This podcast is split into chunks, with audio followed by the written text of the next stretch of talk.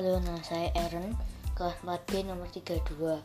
Saya akan menceritakan pengalaman saya ke Malaysia.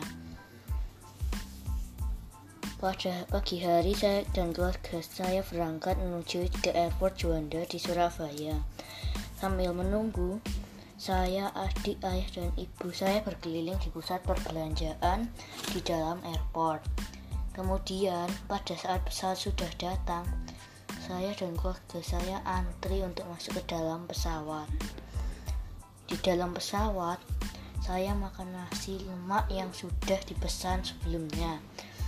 Setelah makan, saya menunggu sambil melihat pemandangan di atas awan. Tak lama kemudian, saya tertidur.